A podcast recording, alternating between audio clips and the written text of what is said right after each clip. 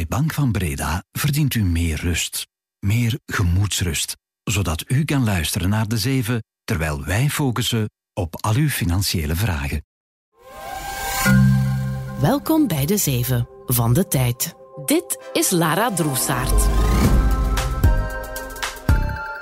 Welkom bij deze extra aflevering van De Zeven. Die staat helemaal in het teken van het prestigieuze World Economic Forum in Davos. Ja, deze week stond België wat op zijn kop door een paar centimetertjes sneeuw.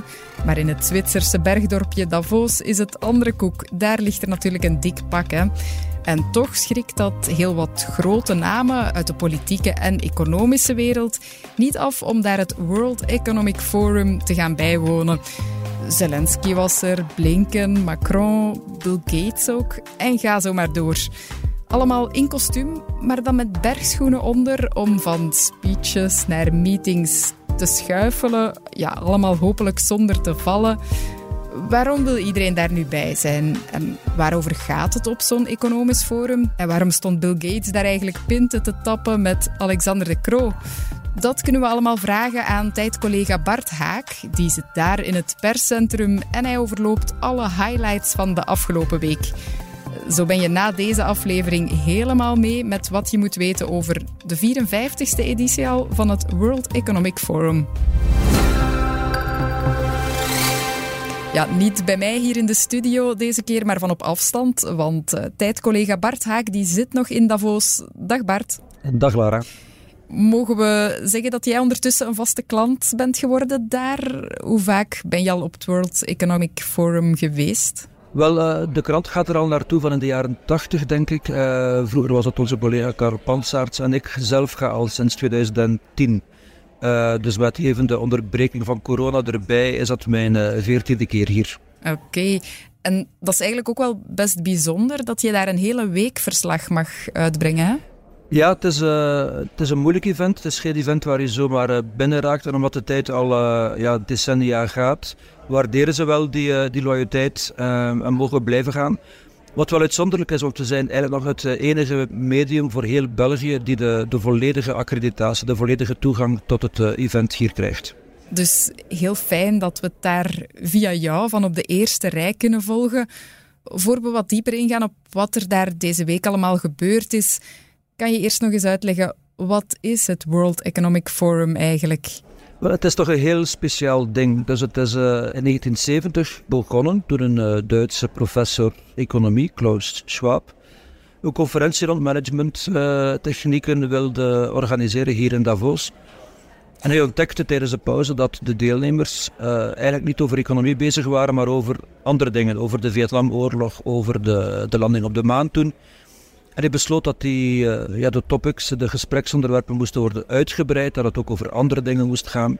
En hij nodigde dan uh, Werner von Braun, een raketgeleerde, uit. Hij nodigde Helder Camara, de bisschop van de armen, uh, uit, die toen in Latijns-Amerika heel bekend was. En hij verruimde het debat op die manier. En zo werd dat groter en groter en groter. In uh, 2000 dan kwam de toenmalige president Bill Clinton en de toenmalige Britse premier Tony Blair. En vanaf toen wilde iedereen er zijn en werd dat echt een groot event. Um, een soort langgerekt nieuwjaarsevent waar uh, ja, alleen al in de officiële delegatie 2000 mensen uh, op afkomen. Een beetje meer dan 2000 zelfs. Mm. Waaronder 60 regeringsleiders en staatshoofden. Alles in totaal meer dan 300 leden van regeringen. Uh, een 1600 CEO's van de grootste multinationals zoals Microsoft, zoals Intel. en dan krijg je hier een ehm, ja, een beetje een, een zoemende bijenkorf van, van heel veel uh, ja, interessante mensen die elkaar zien, die uh, debatteren, die uh, toespraken geven.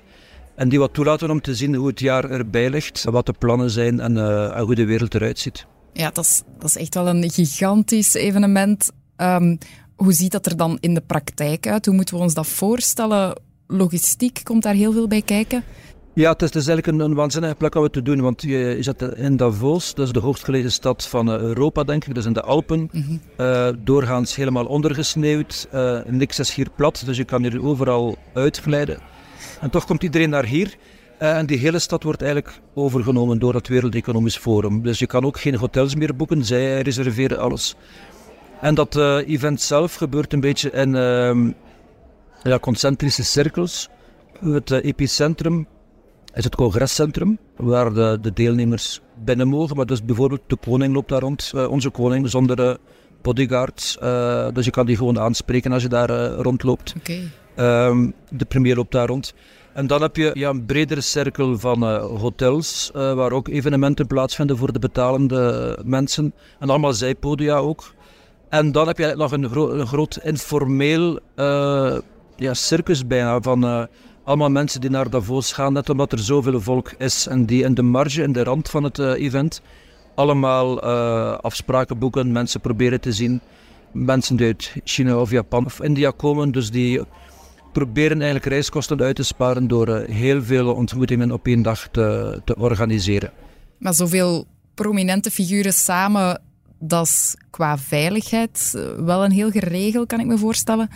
Dat is een bijzonder geregel. Uh, dus uh, de Zwitserland zet uh, 5000 soldaten in om het te beveiligen. Op iedere straathoek staat hier politie om het verkeer te regelen.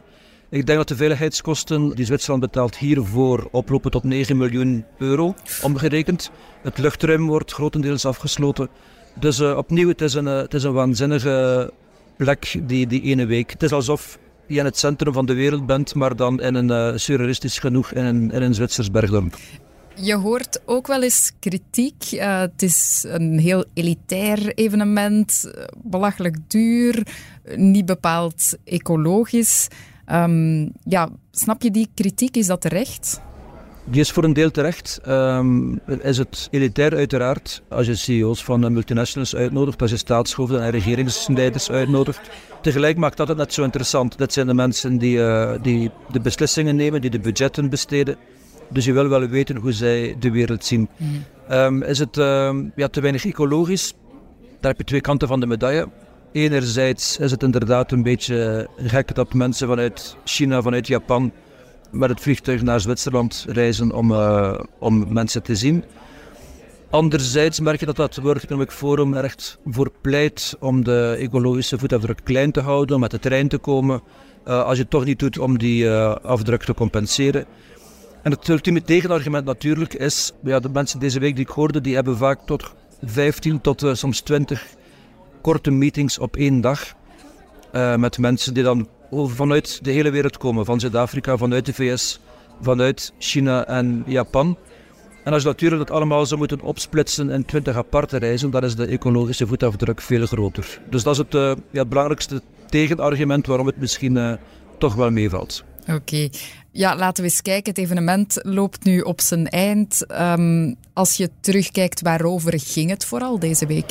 Je voelde deze week, vond ik wel, de grote zorgen over uh, de geopolitieke spanningen uh, die dit jaar ons al parten spelen en op ons afkomen. Hmm. Uh, het zijn er eigenlijk drie. Ik uh, sprak daarnet met de Amerikaanse expert Ian Bremmer, met wie we een interview publiceren nog later deze week. En hij zei: Dit is het jaar van de drie oorlogen: de oorlog in Oekraïne, de oorlog in Gaza en dan de Verenigde Staten, het machtigste land ter wereld, en het is een oorlog met zichzelf. En dan doelde hij natuurlijk op die uh, Trump-campagne, het uh, reële risico dat uh, Trump in november herverkozen wordt. En wat dat zal doen om de, ja, de chaos die er al is op veel plaatsen, om die nog te vergroten. En je voelt dat dat gevaar, dus dat het nog vergroten van die geopolitieke onrust, het nog vergroten van die chaos, dat dat hier wel ehm, ja, overal een beetje doorzendert. Mm. Als een rode draad doorheen de debatten loopt, omdat niemand echt goed weet hoe we dat kunnen aanpakken. Uh, er is niemand die echt weet hoe we die oorlog in Oekraïne en de goede plooi kunnen leggen. Er is niemand die echt goed weet hoe we die oorlog in Gaza kunnen uh, stilleggen. En er is ook niemand die goed weet uh, hoe je Trump kan tegenhouden en hoe je de, de, de gevolgen van een Trump-verkiezing zou, zou kunnen tegenhouden. Dus dat is een beetje een, een ja, rode draad die ik toch deze week heel sterk zag. Oké, okay. drie grote thema's dus. Een opmerkelijke gast in dat kader was zeker de Oekraïense president Zelensky. Dit was een stukje uit zijn speech. Putin is trying to normalize what should have ended in the 20th century. Mass deportations, cities and villages razed to the ground, and the terrifying feeling that the war may never end. In fact, Putin embodies war. We all know that he is the sole reason why all attempts to restore peace have failed. And he will not change. He will not change. Ja, een vastberaden Zelensky overleg met Poetin over vrede, daar gelooft hij niet meer in? Nee, en je voelde een beetje de wanhoop van Zelensky. Hij heeft blijvende steun nodig, maar uh, dat tegenoffensief dat vorig jaar werd geprobeerd, is niet uh, echt opgeschoten. En je voelt hoe ja, hij een beetje vastzit. Dus die, die frontlinie beweegt niet echt meer. Hij vreest dat de, de Europese en de Amerikaanse steun begint af te brokkelen, wat denk ik uh, ook zo is. Um, en je voelt daar een beetje zijn wanhoop van uh, hoe gaan we hieruit geraken. Wat wilde hij dan vooral doen met zijn speech? Wel, hij wilde iedereen ervan overtuigen dat um, dit niet alleen over Oekraïne gaat, maar over heel Europa. En dat als Poetin die gebieden die hij vandaag veroverd heeft in Oekraïne, zoals de Krim, behoudt, dat hij ook uh, Europa zelf zal aanvallen. Dat was de, de boodschap van uh, Zelensky, waarmee hij dus wilde zeggen: verdedig ons, want wij zijn ook voor jullie aan het vechten. Mm -hmm. Nu, uh, andere mensen die ik hier zag, die zeiden van die analyse klopt eigenlijk helemaal niet. Al twee jaar merken we nu heel duidelijk dat Poetin uh, er absoluut over waakt dat hij geen enkel NAVO-land aanvalt, dat hij die lijn niet overgaat. Um, en dat maakt opnieuw dat, dat Oekraïne beetje bij beetje toch een beetje geïsoleerd raakt in dat conflict. Uh, en de facto eigenlijk uh, opgedeeld raakt met een deel dat bezet is en een deel dat niet bezet is. Ja. En je kan daarvan vinden wat je wil, maar als je naar de realiteit kijkt, is dat wel waar we vandaag staan. Ja, ook het conflict in het Midden-Oosten was natuurlijk talk of the town.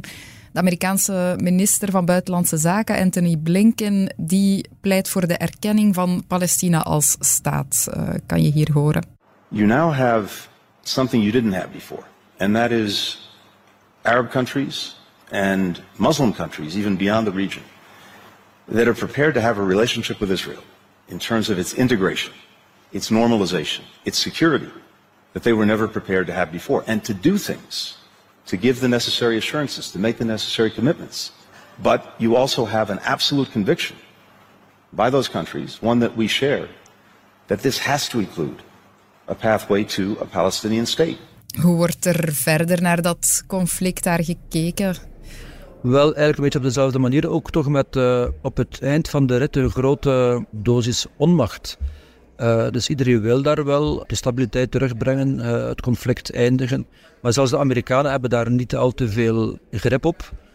Um, en je merkte dat ja, Anthony Blinken die, gaf wel aan waar het volgens hem naartoe zou moeten gaan. Dat is ook een beetje de visie die de, de Belgische regering heeft. Van, je zal op het eind van de rit, als je daar veiligheid en rust wil terugbrengen, die Palestijnse staat moeten erkennen.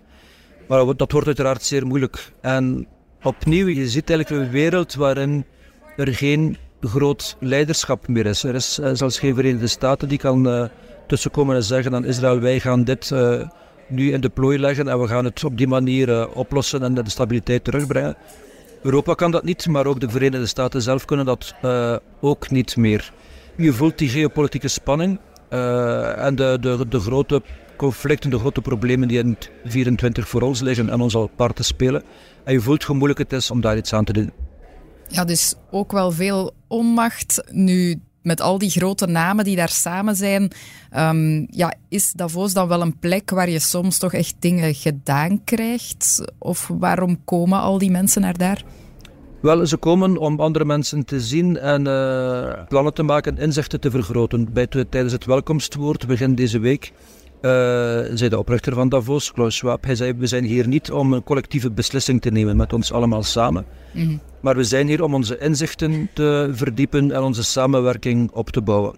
En ik denk dat uh, dat, dat correct is. Iedereen komt hier binnen met zijn eigen agenda, uh, spreekt met mensen, maakt plannen. een beetje zoals je op een professionele nieuwjaarsreceptie, je gaat met je plannen, met je agenda, je probeert mensen te zien, je probeert afspraken te maken om op te volgen later in het jaar. En dan ga je terug naar huis. Is daar dan een collectieve beslissing genomen? Nee, maar er zijn allemaal plannen uh, opgestart. En dat is een beetje wat iedereen hier doet. En soms is dat ja, moeilijk om te zien van levert dat nu iets op. En soms levert dat wel iets op. Het, het, bekendste voorbeeld of het meest duidelijke voorbeeld dat ik ooit hoorde was de Belg Peter Piot. Mm. Die lange tijd het uh, agentschap van de Verenigde Naties leidde in de strijd tegen AIDS, UN-AIDS. En hij wilde de, de prijzen voor AIDS-remmers in Afrika en uh, prijs doen dalen. Maar slaagde daar niet in omdat hij nooit bij de CEO's van die bedrijven kwam. De, de advocaten, het legal department, die zei altijd wij beschermen de patenten en uh, wij gaan dat gesprek niet toelaten. En hij vertelde me ooit dat hij in Davos er is in geslaagd om een koffie te drinken met uh, die CEO's van Johnson Johnson, van Pfizer, van de grote farmabedrijven.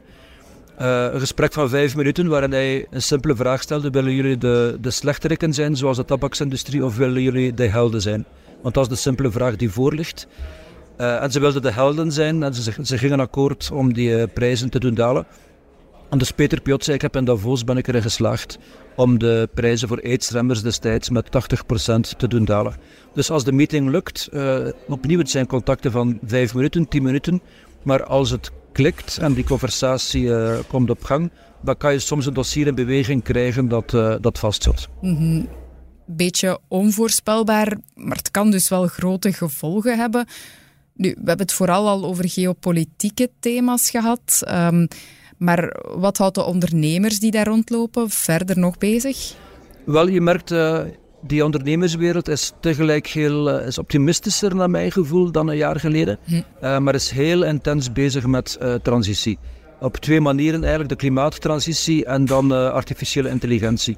En je voelde dat zodra het over um, business gaat, los van de geopolitiek, dat die twee dingen op tafel komen met ja, toch een hele grote zoektocht. Bij klimaat weet iedereen wat er moet gebeuren, maar het is moeilijk om het uit te voeren. Er is, uh, het gaat soms te traag, er is niet altijd geld genoeg om het snel te doen. Bij AI is het nog een collectieve zoektocht van uh, wat uh, zal ons dat opleveren, waar kan je het gebruiken, waar mag je het zeker niet gebruiken. Hoe bewaak je dat mensen de AI blijven aansturen en, en niet omgekeerd. En dus dat is een grote discussie. En die verschilt natuurlijk van sector per sector. Er zijn dan vergaderingen met alleen maar de transportsector of alleen maar de pharma. Mm. En die discussies worden daar dan vaak in, in, detail, in details die recht voor die bedrijven zelf in die sectoren te doen dan, dan besproken. Ja, waar we het nog niet over gehad hebben, is de Belgische delegatie in Davos. Um, ja, zij verzamelden in het Belgian House. Ja. Dat is iets nieuws? Dat is iets nieuws. Dus de Belgen komen al uh, langer naar Davos. De koning komt eigenlijk al uh, decennia. De premier is hier altijd. De Vlaamse minister-president komt ook al uh, jaren. En dan een heleboel bedrijfsleiders komen ook ieder jaar. als je bekijkt, dit jaar hadden we hier de, de CEO's van ScienceCo, dus het oude Solvay, LMK3. Matthias Miedraai, de CEO van Umicore, loopt hier rond maar ook de CEO's van Fluxus, van Demen, van uh, Akkermans en van Haren. Dus het is best wel, je ziet best die Belgische industrie hier uh, goed vertegenwoordigd. Mm -hmm. En waar dat vroeger een beetje verspreide slagorde gebeurde, is er nu voor geopteerd om voor het eerst, zoals veel andere landen dat ook doen trouwens, om hier die ene week een Belgium House te bouwen. Dat is eigenlijk een restaurant op de promenade dat voor die week wordt afgehuurd. Helemaal wordt omgebouwd met een plaats voor debatten, voor toespraken. Uh, S'avonds ging het uh, met hulp van ABM het, uh, het café open om frieten en bier te serveren. En je merkte wel dat dat zeer goed werkte. je merkte dat bijvoorbeeld de zaal bomvol zat toen Alexander de Kroop het podium Bill Gates interviewde en aan passant wat Belgische bedrijven voorstelde. Gisteren was er een debat over biotech waar de voormalige commissievoorzitter Barroso plots onaangekondigd binnenstapte. Dus je voelde wel dat dat werkte, dat België opviel. En wat je ook zag, en dat is iets wat je eigenlijk, uh, vind ik, zelden meemaakt, dat het ook best wel kan om als België uh, economisch eendrachtig te tonen wie, wie we zijn. Ik denk dat het uh, Ilham Kadri was van uh, Science Code, dus het oude Solvay, die in haar toespraak zei van wij werken wereldwijd, maar we zijn gebaseerd in België en we zijn daar trots op. En je voelde, omdat daar echt veel mensen waren, omdat er veel activiteiten waren, uh, iets wat je normaal bijna alleen maar in het voetbal nog eens ziet. Uh, en we zagen anders zelden nooit. Je, voelde echt wel een, soort trots op uh, wat er dan nog echt wel kan in België. Ik hoorde bijvoorbeeld deze week een paar Nederlandse CEO's praten en die zeiden van, maar waarom, hebben wij dat eigenlijk niet? Ja, en de komst van Bill Gates, eh, de oprichter van Microsoft, zal zeker geholpen hebben om extra visibiliteit te creëren. Kunnen eens luisteren naar wat hij te vertellen had daar, uh, want hij is ook de oprichter van Breakthrough Energy. En dat is een bedrijf dat inzet op duurzame energie. Hij zei daarover onder andere dit. You know, I'm looking forward to the idea in this uh, breakthrough energy uh, world that Belgium's willing to be a leader, willing to look to the future, and, and whether it's in nuclear or some of these other areas, I was fascinated to hear those company stories. So uh, we we need a mix, and it is far, far, far harder without nuclear because storage is not going to be cheap. Ja, dat was een opname van uh, VTM Nieuws. Dus wel een uh, succes kunnen we stellen, dat Belgian House. Ja, het was slim aangepakt. Dus, uh, waar vorige premiers zoals uh, Yves Leterme, Elio Di Rupo, Charles Michel hier vaak uh, gewoon een speech gaven op een Belgische receptie om op te roepen om in België te komen investeren, pakt premier Alexander de Croo het al een paar jaar anders aan. Hij nodigt een prominente gast uit. hij gaat daar dan mee in, in debat. vorige jaren was dat toen weer de CEO van Intel, Pat Gelsinger. vorig jaar was dat tegen de achtergrond van de energiecrisis de, de grote baas van het Internationaal Energieagentschap. En dan toon je tegelijk dat je als antwoord op de kaart staat, want die mensen komen, uh, je toont dat je in staat bent om die mensen tot bij jou te krijgen. Uh, en dan loopt die zaal wel vol, uh, ook met buitenlandse investeerders. En dan wordt die aandacht gebruikt om een paar bedrijven zich te laten voorstellen. Dus dit jaar, deze week, was dat ScienceCo, was dat Fluxis en Bageraar Deme. En ehm, dat werkte eigenlijk wel.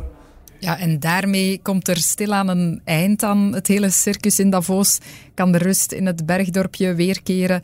Um, jij staat ook op punt om terug te reizen, Bart, op een ecologisch verantwoorde manier?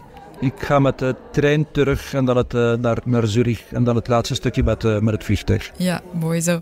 Um, goede terugreis en bedankt om heel even tijd te maken voor uh, deze babbel. Met plezier. Online komt er nog een uitgebreid verslag van Bart over Davos. En al zijn artikels vind je natuurlijk ook terug in onze app. Bedankt om te luisteren nu en tot de volgende.